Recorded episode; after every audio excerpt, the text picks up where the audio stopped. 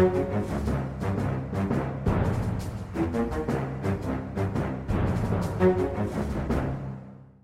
kan vi ønske velkommen til en Aftenpodden eh, statsrådsskifte spesial. Eh, jeg er politisk journalist Lars Glomnes. Med meg i dag, som så ofte før, politisk redaktør Trine Eilertsen. God dag, god dag. God dag. Kulturredaktør Sara Sørheim. Hallo. Og kommentator Thomas Hornburg. Hei, hei. Uh, dette må jo sies å være en gledetid for eh, politiske nerder og oss som bryr, seg, bryr oss om uh, statsrådsskifter og dette spillet i toppen av Makt-Norge. Og uh, fra mandag kveld så begynte det jo å tikke inn tips og, og rykter om at det kom endringer nå onsdag. Og I løpet av hele gårsdagen, eh, tirsdag, så fikk vi ut egentlig hva, hva som skulle skje. Uh, og Trine Eilertsen, hva var det største? Nå har vi alle navnene. Nei, Det største sånn, var jo i går morges, altså tirsdag morgen, da vi fikk høre på NRK at eh, Per Sandberg skulle bli innvandringsminister. Da tror jeg det var ikke bare politiske journalister, mange andre som satte kaffen i halsen og tenkte at dette blir en festdag på jobb. Eh, nå stemte ikke det. Eh, men han skal inn i regjering. Eh, det eh, har vi ant og hatt en hunch på en god stund. Vi har jobbet med dette i noen uker. I Aftenposten har vi hatt spekk-saker eh, en stund. Eh, og vi vet at Frp også vil, eh, vil eh, gi Sylvi Listhaug en mer fremtredende posisjon og, og løfte etter feltene.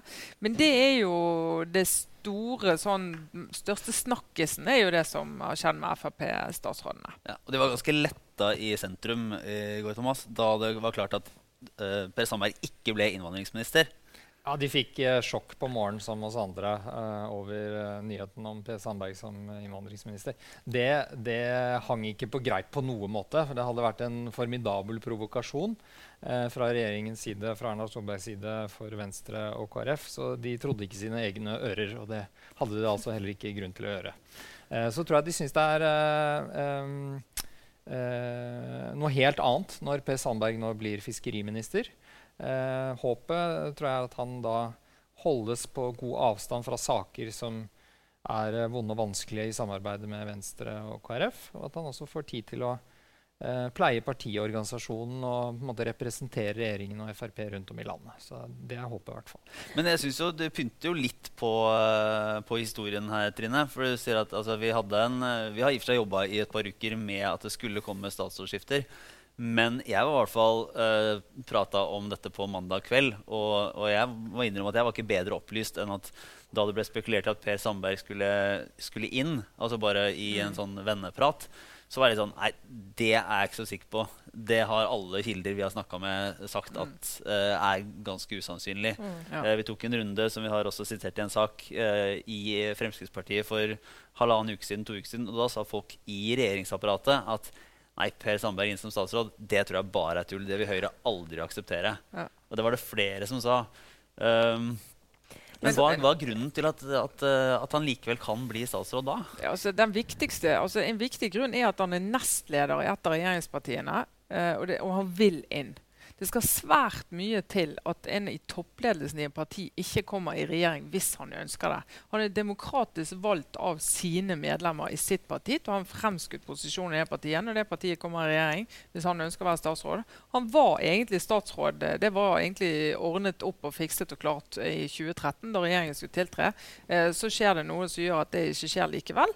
Men det er helt naturlig å ta med partiledelsen inn i regjering. Så det er jo liksom det, si det nesten formelle her, eh, selv om dette handler mer om kutyme enn formaliteter. Det Det som, jo er, eh, det som ikke har vært naturlig, har jo vært hans rolle fram til nå. Som nestleder eh, og urokråke eh, på Stortinget, som han har vært. Det er det som har vært rart. At han har hatt den rollen, at han ikke har vært statsråd. Eh, og så kan man jo lure på Nå tror jeg ikke det var tilfellet, men la oss si at eh, denne forsnakkelsen eller denne feilen til NRK i går morges var eh, spinn. I så fall så hadde, hadde Sigbjørn Aanes, eh, statssekretær på SMK, satt ny rekord i eh, smart kommunikasjon. For etter at hele Norge hadde fått da fullstendig sjokk over at han skulle bli innvandringsminister, så ble jo nyheten om at han kom inn i regjering som fiskeriminister, ble jo rett og slett applaudert. Og det gikk et lettelsens sukk gjennom stort sett hele Ja, og Sylvi Norge. Listhaug, som er en ganske tøff dame i innvandringsdebatten. det var også en sånn Å ja, nei, men Sylvi Listhaug, ja, da Ja, det var jo Da går det da, var det, da er det jo ganske, det er ganske rolig. Men så var jo dette noe Per Sandberg ønsket. Han hadde jo et utspill uh, i, uh, tidligere hvor han jo uh, lanserte seg selv som, som innenriksminister med ansvar for turisme bl.a. Så det var jo ingen hemmelighet at han ønsket seg inn i, inn i regjeringen. Eh, og så er det eh, jo sånn at eh, altså jeg tror en sånn tanke fra FrPs side er at de nå på en måte så får jo de som har vært mest kritiske til eh, regjeringen i Stortinget, de mister nå sin lederskikkelse, eller det mest sånn effektive talerøret de har hatt i Per Sandberg. Og den som uh, blir stående igjen som på en måte, lederfiguren for stortingsgruppa i, i Frp, er jo uh, Nesvik, Tom Harald Nesvik, som, som jo er en regjeringslojal, uh, Jensen-lojal eh, gruppeleder for, eh, for Frp. Så, så også eh, i det perspektivet fra Solberg og Jensen så kan det gi mening å bruke eh, per Sandberg på en post hvor han ikke si, spiller en viktig rolle i konfliktsakene eh, overfor Stortinget og med samarbeidspartiene. Når det er sagt, jeg trodde ikke det var sannsynlig etter denne voldsomme konflikten med KrF, hvor han ga de skylden for å produsere fremmedkrigere i Norge. Eh, jeg trodde det skapte på en måte så vanskelige eh, samarbeidsforhold mellom sentrum og, og Per Sandberg at de ikke ville tørre. Men skulle de først tørre, så er å gjøre han til fiskeriminister det minst eh, farlige som fins. Det er interessant å se på reaksjonene, bl.a. fra Knut Arild Hareide. Han hadde jo en spontanreaksjon da han trodde han skulle bli innvandringsminister på, på Twitter, eh, som eh, avslørte en viss eh, skepsis. Eh, men når han først eh, da skal forholde seg til at Sandberg blir statsråd, han blir fiskeristatsråd, så sier han jo det han skal si. Han sier at nå starter jo Per Sandberg med blanke ark som statsråd, og nå skal han måles på det han gjør som statsråd. Det er en annen rolle. Eh, og det er jo uansett hvor du kommer fra i samfunnslivet. Den dagen du tiltrer som statsråd, så er det det som er porteføljen, pakken, det det blir målt på, det Stortinget forholder seg til. Eh, og Per Sandberg eh, har eh, samarbeidet godt med KrF og Venstre i Nydalen-forhandlingene. Det kom de ut av møtene og skrøt veldig av Per Sandberg. Mente han var konstruktiv. Kom til bordet med konkrete kompromissløsninger. Eh, spilte en rolle der som ikke vi så ofte ser i offentligheten. Og han har fått den type skryt andre ganger også. Eh, og det tror jeg, vet Høyre, En del i Høyre er jo litt sånn spent på hvordan det skal bli regjeringskollegiet med Per Sandberg rundt bordet. Om de skal ha en sånn løs kanon sittende der som eh, forhindrer de fra å lande kompromisser. Men de som er, er tett på det, sier at det, er, det, kommer, det kommer til å gå seg til. For der har han ikke det publikummet. Han snakker ikke til velgerne. Han snakker faktisk for å finne kompromisser. Jeg tror ikke det blir Så han har to ja. sider, altså. Jeg tror det vanskeligste for Per Sandberg blir eh, når kritikken kommer om at han er usynlig. Når etterspørselen etter ham som en som profilerer FrPs politikk, eh, primærpolitikk, når den kommer, når den kritikken kommer eh, Per-Willy eh, Per-Willy Amundsen ble borte. Det samme har skjedd med Per eh, Sandberg. Når den kritikken kommer, det tror jeg det blir det vanskeligste for han å leve med. At han eh, må ja, Ja, er Tøyle seg selv i den rollen. ansvarlig på en måte. da. Ja. Så han, det, det er en del av jobben hans nå. Han skal jo bekjenne seg til regjeringserklæringen Ja. nå. Han be må bekjenne seg til den for å være i regjering. Men jeg gleder meg veldig til det første bildet når vi stikker en mikrofon inn i vinduet på den svarte bilen med sjåfør og spør han om et eller annet med regjeringspolitikk, og så sier han i regjeringsplattformen står det at Eller ingen kommentar den dagen. Men han har jo vært, han har vært en pådriver for denne uh, delingen av Siv Jensen. Uh, folk, media må skjønne at uh, i dag var hun ikke finansminister, nå var hun partileder. Hvorfor kan hun ikke bare kjøre ja, men i dag er jeg ikke fiskeriminister, i dag er jeg nestleder. Jeg kan si akkurat det jeg vil. Hvorfor Hvilke hindringer er det? Eller er det en, Jo, men han, det det er jo den friheten du har som leder. Altså Som øverste leder, som partileder. Så har som kulturredaktør, som politisk redaktør? Ja. altså, jeg, jeg, nei, faktisk ikke. Som, men som sjefredaktør har du en annen frihet enn det jeg og Trine har. For eksempel. altså, Siv Jensen svarer ikke noen, til noen i Frp, men det gjør faktisk Per Sandberg. Den forskjellen er han nødt til å forholde seg til. Og, og du har ikke den friheten som nestleder. altså Han kan ikke fortsette på den måten han Men i har. Fremskrittspartiet så har det jo vært folk som har spekulert eller, og lurt på har Siv Jensen kontroll på Per Sandberg. Det har vært et det er jo et av de store temaene. Ja. Og er hun glad for at han tar den rollen, eller er det et problem? Altså For Høyre er det jo et problem. Men, jo, men for uh, Frp så er det litt delt, tror jeg. Det kommer litt an på hvilken sak. Men det vi skulle ha merket er at Siv Jensen hadde et vindu i valgkampen der hun var kun partileder. For i valgkamp er du bare partileder uansett. uh, selv om du er statsråd på si. Og da kunne hun si det at kommunene, Vi oppfordrer kommunene til å ikke bosette flyktninger. og Håper våre politikere stemmer mot det. Eh, men så når hun er tilbake igjen i daglig drift, eh, så er jo hun bare statsråd. For, for øvrig en av de tingene som er litt mystisk, at hun fortsetter å være finansminister og ikke gå over i en annen eh, post. Men hun fortsetter å være statsråd og finansminister og kunne jo vært en Høyre-dame i, i innretning. eh, i den posten. Men de har jo fått inn en annen Hvis uh, vi skal la Sandberg uh, Det er veldig fint. Jeg føler han har, liksom, har fulgt hele podkasten og, og uh, politiske livet gjennom, gjennom, hele 2015. Og så blir det på en måte krona som en sånn film. Så blir det krona med at han trer inn i, i den svarte varebilen på Slottsplassen, som kanskje var litt stusslig. Ja, men, tror han men ødelegge regjeringsprosjektet i januar, og i desember er han en del av det. Det er, jo det er en film hvor det kommer en toer, for å si det mildt. Ja. Vi hadde veldig vent oss til også. Den, nå hadde måte den der helt merkelige rollen hans disse to hestene som Frp har ridd en stund nå, nå hadde vi liksom vent oss til det. Det var nesten sånn at vi nå, det begynte å bli normalen. Uh, og da kom endringen. Så rent dramaturgisk så er dette her helt perfekt, faktisk. Eh, og jeg gleder meg også til han skal uh, som fiskeriminister får jo han mye ansvar for forholdet vårt til Kina. Med, de har veldig mye med Kina å gjøre. Så hans diplomatiske evner skal jo sikkert komme Norge til gode i den sammenhengen også. Det er bare å vente og ta fram popkornet. Så tror jeg det hører med som en del av bildet at Frp jo nå er et mer sånn avslappet parti. Så det, denne dobbeltkommunikasjonen ri to hester var jo også eh, et stykke på vei et uttrykk for desperasjon. Falt på meningsmålingene, et dårlig lokalvalg. Eh, behov for å eh, markere primærstandpunkter og eh, regjeringens politikk. Nå er de i en annen situasjon. De har eh, vokst mye på meningsmålingene, har en annen selvtillit. Uh, så da tror jeg de tenker at denne dobbeltkommunikasjonen ikke heller er så viktig for meg. Men et annet element også, det er sikkert det du skal over til nå, Lars, eh, som for så vidt er litt spennende, er jo hvordan Per Sandberg vil eh, trives i skyggen av også Sylvi Listhaug. Mm. I og med at hun nå får en veldig sentral rolle og, og tar over hele innvandringsfeltet. Og integrering, for ikke å glemme. Eh, så er det et felt som han jo ikke har hatt på den måten et ansvar for. Men det har jo vært, det er jo en så en sak så tett knytta opp mot FrPs sjel at han naturlig har på en måte kunnet Han har vært kobla opp, opp, mot den saken. Nå må han slippe den helt. Eh, det blir interessant å se. Ja, for var det, var det en overraskelse tross alt at Per Sandberg gikk eh, inn i regjeringen, så var det ikke noe stor overraskelse at Sylvi Listhaug får større ansvar enn som landbruksminister. For mm. den, eh, vi starta og hadde en, en, sak for et par uker siden på at prosessen egentlig var litt i gang. og vi, vi plukka opp hva som, hva som var ment i, i uh, regjeringspartiene om hvem de ville ha inn og hvilke endringer, så var det at Sylvi Listhaug skulle få større oppgaver. Uh, og da ble det også spekulert i av uh, svært sentrale personer i partiet om at det var litt sånn posisjonering også opp mot et nestledervalg om Uh, halvannet år. Altså.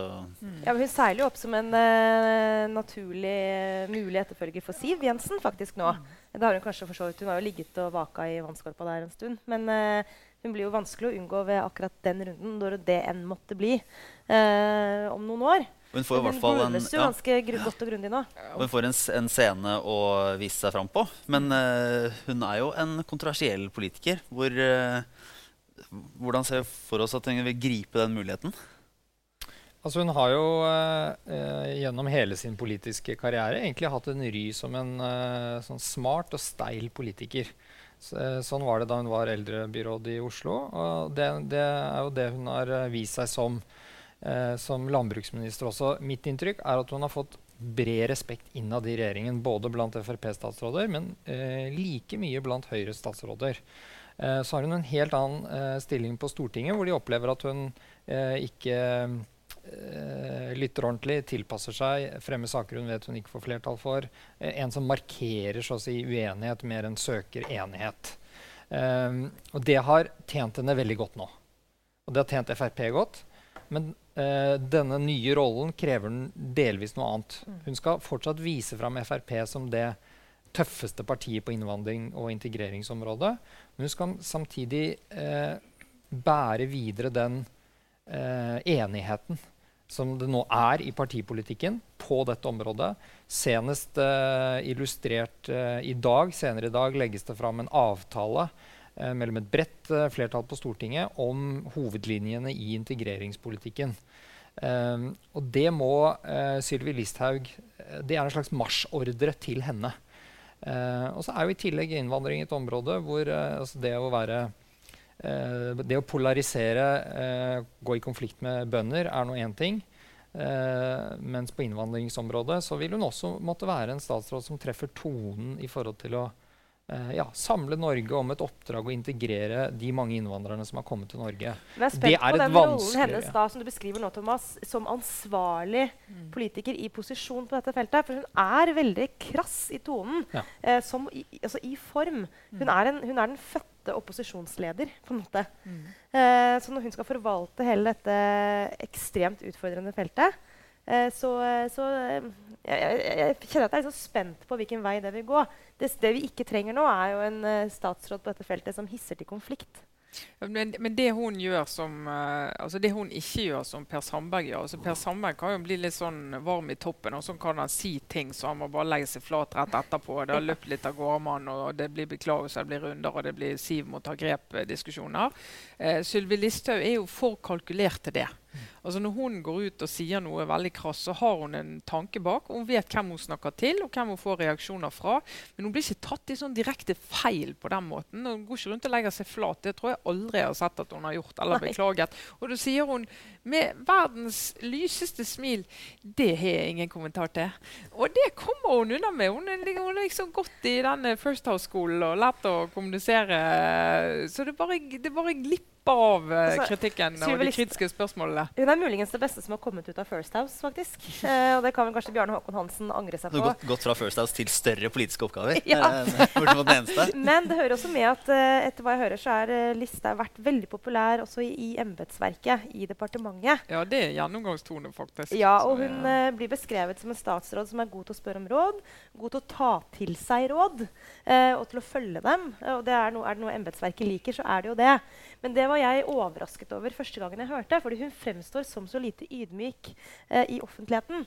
Men hun er nok mye mer imøtekommende og eh, villig til å ta inn over seg andres meninger sånn på bakrommet. Og det er klart det er en stor styrke. Der tror jeg hun skiller men, seg Men, men så jeg, jeg, på Dagsrevyen uh, eh, sa jeg at uh, Sylvi Listhaug har uh, sterke gjennomføringskraft. Uh, og Det er innspill jeg har fått bl.a. Fra, fra departementssiden. da. Eh, men da, eh, og Det, du, det forelå at Stortinget ble veldig synlig. da, for Da kom Marit Arnstad, Geir Pollestad, Knut Arild Hareide. altså Hele gjengen og bare Nei, det har hun ikke! Det er en haug med saker som bare ligger på vent. De bare virkelig ble utrolig aggressive på at, jeg overhodet hadde sagt det. Eh, og Det handler jo både om at de selvfølgelig er uenig i en del av politikken, så der hun har gjennomføringskraft og får gjort noe, det er hun uenig i. Og de sakene de kunne ønske hun hadde fått gjort noe med, de bruker hun kanskje ikke så mye energi på, så de ligger og vaker. og det har ikke vært så mye gjennomslag på de. Men hva betyr det nå når hun eh, som innvandringsminister så uh, så er det på en måte ikke, det er ikke bøndene eller en, en en annen Er det lov å si marginal gruppe? Politisk? Ja, det er så vidt lov. Er- Hvis, Men- hvis vi men- teller opp, så er de marginale. Ja, Eh, men på den ene sida så er det på en måte NOAS og, og den gjengen som hun på mange måter kan liksom drite i. Det, det er ikke hennes. Men på den andre sida så er det jo Frp-velgerne. Sånn at når det skal etableres et mottak, og noen sier nei, så er det god sjanse for at uh, det er folk som står henne politisk nært. Hvordan Altså, kan hun håndtere den, det at eh, liksom, hennes fremste kanskje opposisjon der ute, uh, viktigste motstandere, også er hennes egne folk? Altså, tenkningen i Frp er at uh, også FrPs velgere vil vite at det fins ikke noe alternativ til de. Så når Frp kompromisser, så vet de at kompromissene i det minste ble trukket i en eh, innvandringsrestriktiv retning. Eh, og, og lesningen i Frp-ledelsen er jo at uh, høsten har vist at uh, sånn tenker mange av deres velgere. De, de stoler Ja. på at Frp eh, ikke får til alt, men ingen hadde fått til mer. Men det som jo blir interessant er at ja, for det er jo helt riktig, de har jo vokst på meningsmålingene nå i, i takt med, med at uh, flyktningsituasjonen har blitt mer og mer dramatisk. Men det vi jo ennå ikke har sett, er konsekvensene av eh, bosettingene i, i norske kommuner. Altså, det er jo foreløpig eh, ganske teoretisk, disse utfordringene, for mange. Eh, og det kommer til utover 2016 å bli mer og mer tydelig for folk i hele Norge at eh, vi alle møter noen utfordringer i hverdagen vår pga. dette. Og hvordan det vil slå inn på, på meningsmålingene når det gjelder Frp sin rolle, det er, egentlig, det er litt spent på. at Det blir en, det blir en skikkelig utfordring for Listhaug uansett hvordan du vrir og vender på det. Absolutt. I tillegg så er det jo nå vinter. Vi har fått en pause i den folkevandringen dels til Europa, mye til Norge. Om det bare er en pause, eller om det er en slags uh, tilbake til normalen, det vet vi ikke. Men uh, det, har jo, det er jo flere andre endringer. Uh, og En av dem er jo da at Toril Vidvei uh, forlater posten som kulturminister. Hun Ja. har nesten blitt eh, er det, Du, Dessverre, en, en, vil jeg liten, si. sånn, en liten favoritt på, i eh, kultur, uh, Aftenpostens kulturavdeling. Eller i hvert fall uh, i toppen av Aftenpostens kulturavdeling. Ingen, ingen navn nevnt. Ja. Helt i toppen Ja. Altså uansett, folkens, når man er, altså Det man vil på jobb, er å ha det litt uh, moro. moro. Hvis man kan. I tillegg til alt det andre. Og det skal Tore Vidvei ha for. Uansett om man er enig eller uenig med den politikken hun fører. Hun er en festlig dame. Altså rett og slett, Hun er rett og slett morsom. Og så er det noe med at altså, No offense, men de to forrige kulturministrene var altså Anniken Huitfeldt og Hadia Tajik. Og for meg som har mye med kulturministrene å gjøre, naturlig nok, så var jo det drivende dyktige politikere. Men det var jo ikke noe morsomt å sitte på kontoret deres da. Det, det må være lov å si, som Arne Skeie pleier å, å uttale. Men Vidvei, alltid gøy. Ante ikke hva som kom. eh, og dessuten, hun er en dyktig politiker som kan snakke med journalister. Hun vet utmerket godt eh, hva det betyr å for snakke på bakgrunn eller snakke off record. Eh, Det er er veldig viktig. veldig viktig. Kompetanse. ikke bare for at det er gøy for oss, men fordi at det er politikere som, som er åpne, og som deler og forklarer de bakenforliggende årsakene til at de gjør som de gjør. Og det har uh, Vidvei vært veldig tydelig på, og hun har jo vært en, eh, en dyktig kulturminister. Hvis du måler henne på evnen til å få gjennomslag for sakene sine i regjering. Eh, det har hun faktisk eh, vist gjennom disse to årene. Eh, sånn sett så er jeg veldig spent på hva som skjer nå. Nå får vi inn en annen dyktig politiker, Linda Hofstad Helleland. Men ikke med den samme tyngden som Vidvei. Men det de dessverre har felles, er jo en liten, lite erfaring med kulturfeltet. Vidvei henta seg inn på at hun har så mye politisk erfaring. Hofstad Helleland, jeg vet ikke. Eh, kan godt hende hun kommer til å løse den oppgaven helt utmerket. Men det er, det er et usikkerhetsmoment. Hvordan kjenner du Hofstad Helleland eh, som politiker? Jeg at jeg, altså, hun har jo ikke hatt noen av de virkelig styrende posisjonene. Hun er jo leder i samferdselskomiteen. Er også kvinnepolitisk Nei, hva heter det? Kvinneutvalgsleder? Nei. Kvinneforum. Takk. Ja. Hun har for- ja. Altså hun, er en, hun har vært eh, politiker i hele sitt voksne liv. Hun har fartstid fra Unge Høyre før det. Hun har vært eh, litt eh, til og fra på Stortinget som vara, men, men på en måte sittet i all hovedsak på Stortinget siden 2001, hvis jeg husker rett. Eh, og hatt ulike verv. Eh, Bl.a. har sittet i eh, kultur- og familiekomiteen. Så det er ikke noe tvil om at eh, det er politiker hun er. Hun har ikke jobbet med så mye annet. Hun har ikke noe så som mye servitør. utdannelse, ja. jeg sjekka biografien på Eh, sånn Stortinget hjemme i går. en, eh, en, en god allmennpolitiker. Vært det lenge. Um, var regnes som ja, dyktig og flink. og Skyves nå inn i kulturministerjobben fordi at hun tilhører det Høyre som skal eh, være med videre i mange år fremover. Hun mer opptatt av idrett enn eh, en, en del annen kultur. Hun var jo en virkelig pådriver for uh, Oslo-OL. Mm. Og ja, det var, hun og Vidvei var jo det. Ja, det og hadde jo en, en tøff fight på hjemmebane, for hun er jo da gift med Trond Helleland, parlamentarisk leder i Høyre, uh, som til slutt måtte eh, være med å sette ned foten for uh, Oslo-OL-prosjektet. Og det, hun har jo sagt at det var en, uh, det var en hard runde også på hjemmebane. Ja. Jeg er jo personlig veldig skuffa over at det ikke ble noe OL til Oslo. Og det har vært tøft for meg her i Aftenposten også, for jeg er jo ingen som er enig med meg i det her. Så jeg, jeg, akkurat der har litt sympati med, med Helleland, faktisk. Altså fru Helleland. Men uh, hun får jo også en uh, jobb med å lande alle de ballene som Vidvei har spilt opp nå. Uh, en ting er at Hun ikke er så veldig tydelig i utgangspunktet som politiker. Jeg er spent på hva hun kommer til å måte, må prøve å markere seg på. Men hun får ikke så mye spillerom heller som det Vidvei hadde. Vidvei kom inn med en ny politikk. Skulle sette den blå kulturpolitikken.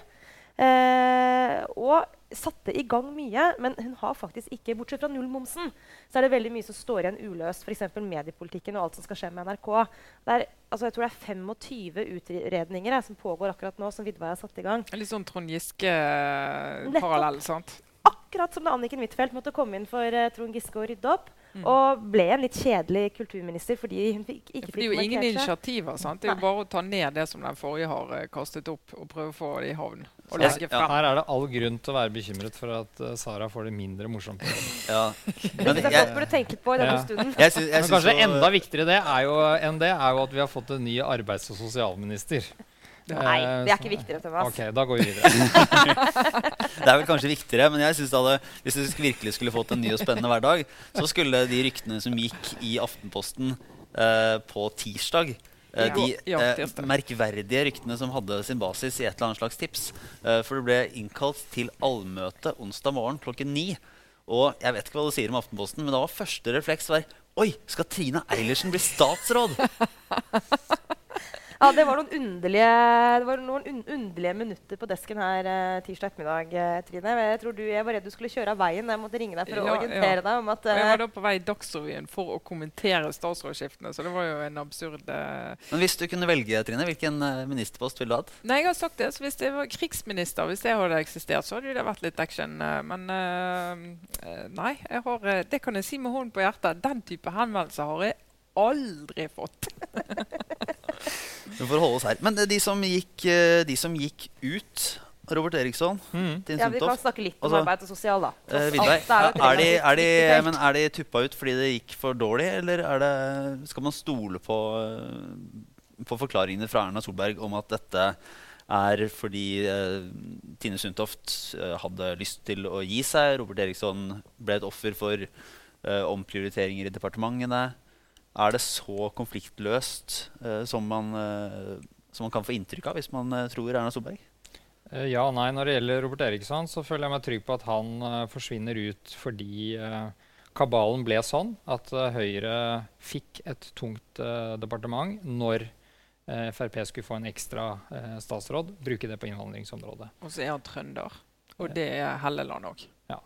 Sånn at, eh, så, og, og sånne hensyn tell, teller også. Og han, eh, altså, eh, mitt klare inntrykk etter ett år, da vi gjorde ordentlig research på statsrådene, var jo at Robert Eriksson hadde begeistret Erna Solberg, en av de som virkelig liksom, hadde gjort det bedre enn hun hadde forventet, og sto ganske sterkt i kollegiet.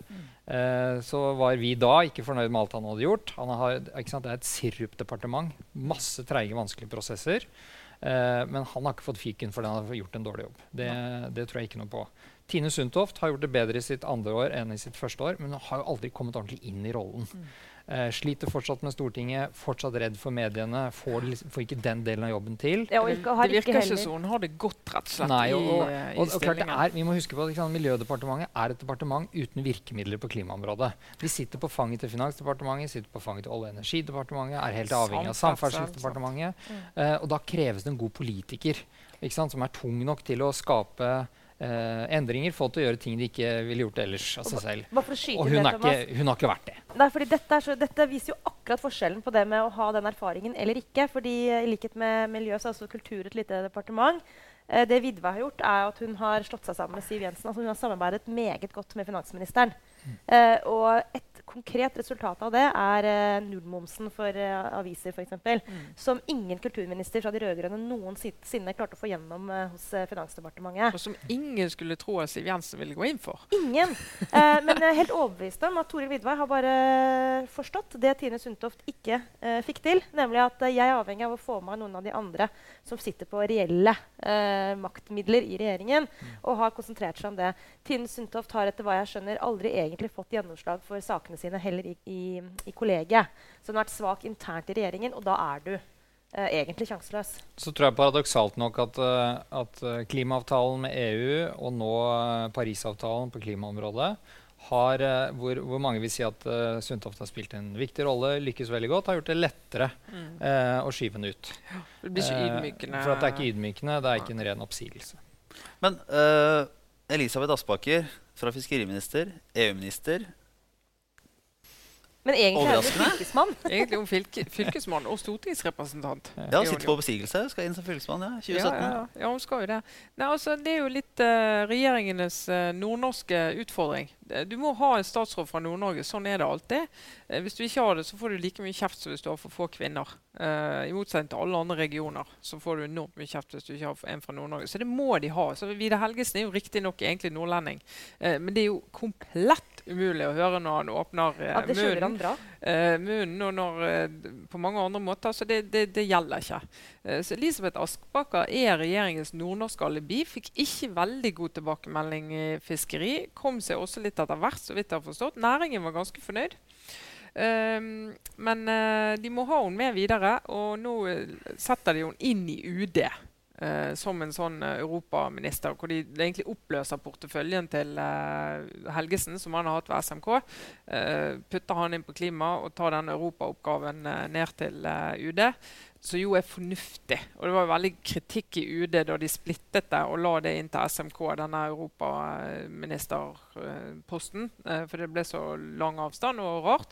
Pluss at den samordningsrollen som Helgesen har hatt, har jo ikke vært så nødvendig i den regjeringen. Det er jo, Erna Solberg er jo opptatt av det og viser at de ikke har jobbet i underutvalg, sånn som den forrige regjeringen har gjort, hvor du hadde Skjøtten som satt med partiledelsen i SV og Senterpartiet og uh, låste døren på møterommet og sa de fikk ikke gå ut derfra før de var enige.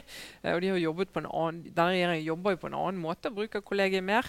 Uh, og, og, det er mye viktigere at de har solide parlamentariske ledere enn at de har en samordner ved SMK. For der må jo løsningene finnes i Stortinget. Så det nytter ikke å ha en god samordner ved SMK hvis ikke du har kanonsterke parlamentariske ledere som Trond Helleland som skal finne løsninger med alle de andre.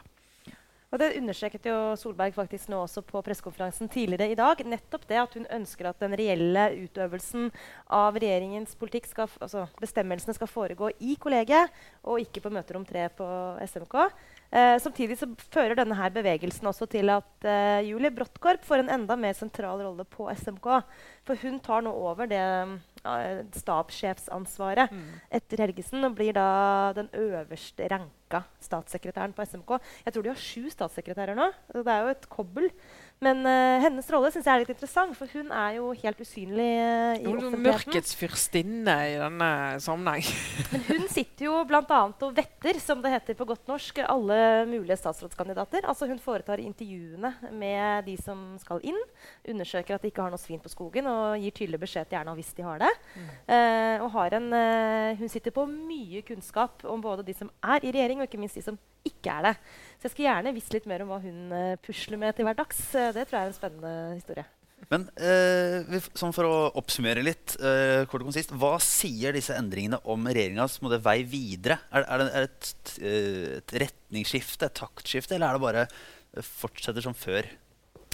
Vi sier at det tegner et bilde av en statsminister som i all hovedsak er fornøyd med regjeringens uh, arbeid, hvordan de ligger an. Eh, opptatt av å gjennomføre det de har påbegynt. For Høyres del så er dette mye stø kurs. Så er det noen justeringer, eh, en foryngelse på et par poster. Men det er hovedinntrykket for, eh, for Høyre. For Frp så er det en omfavnelse av regjeringsprosjektet. De henter inn nestlederen sin i regjeringen. Eh, og de eh, tar enda klare grep om innvandring.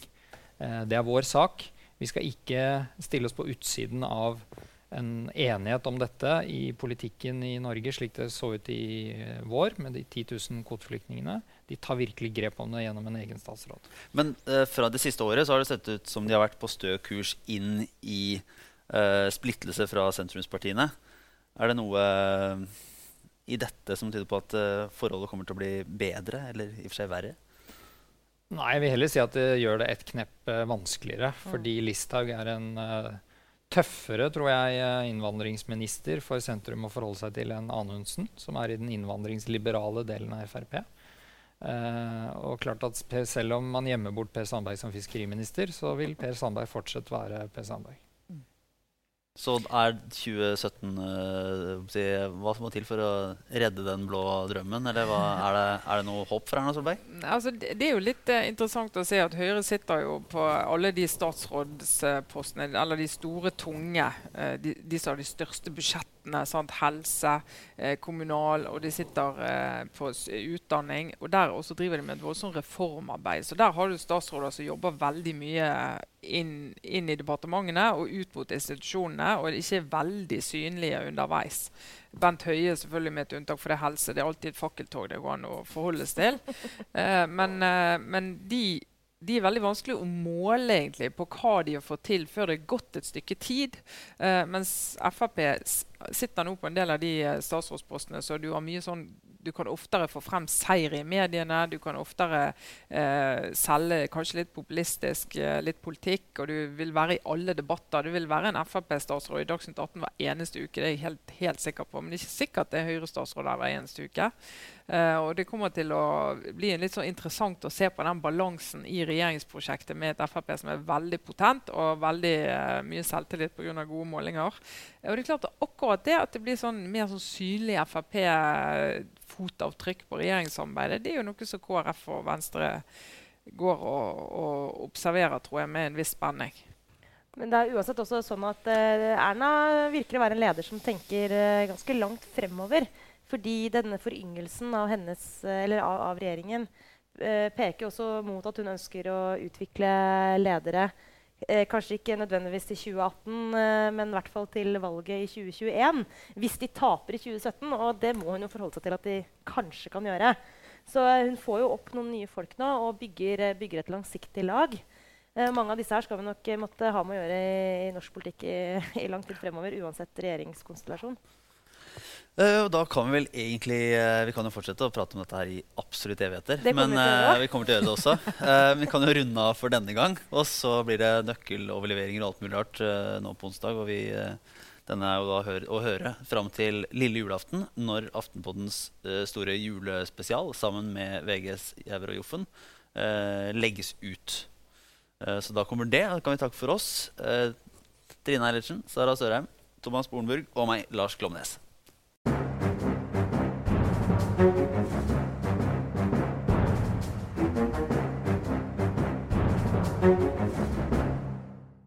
Ja, og så kan vi ta med en liten ekstra beskjed. Hvis du hørte på podkasten denne uken i iTunes, så kan du jo også gå inn og abonnere. Da får du den neste utgaven rett i telefonen din uten å måtte gjøre noe som helst. Eh, det gjør du ved å søke på Aftenpodden i eh, iTunes-søkeren. Og så er det bare å trykke på abonner og vente på neste utgave. Gi oss også gjerne en stjernerating i iTunes hvis dette er noe du vil anbefale til andre å høre på.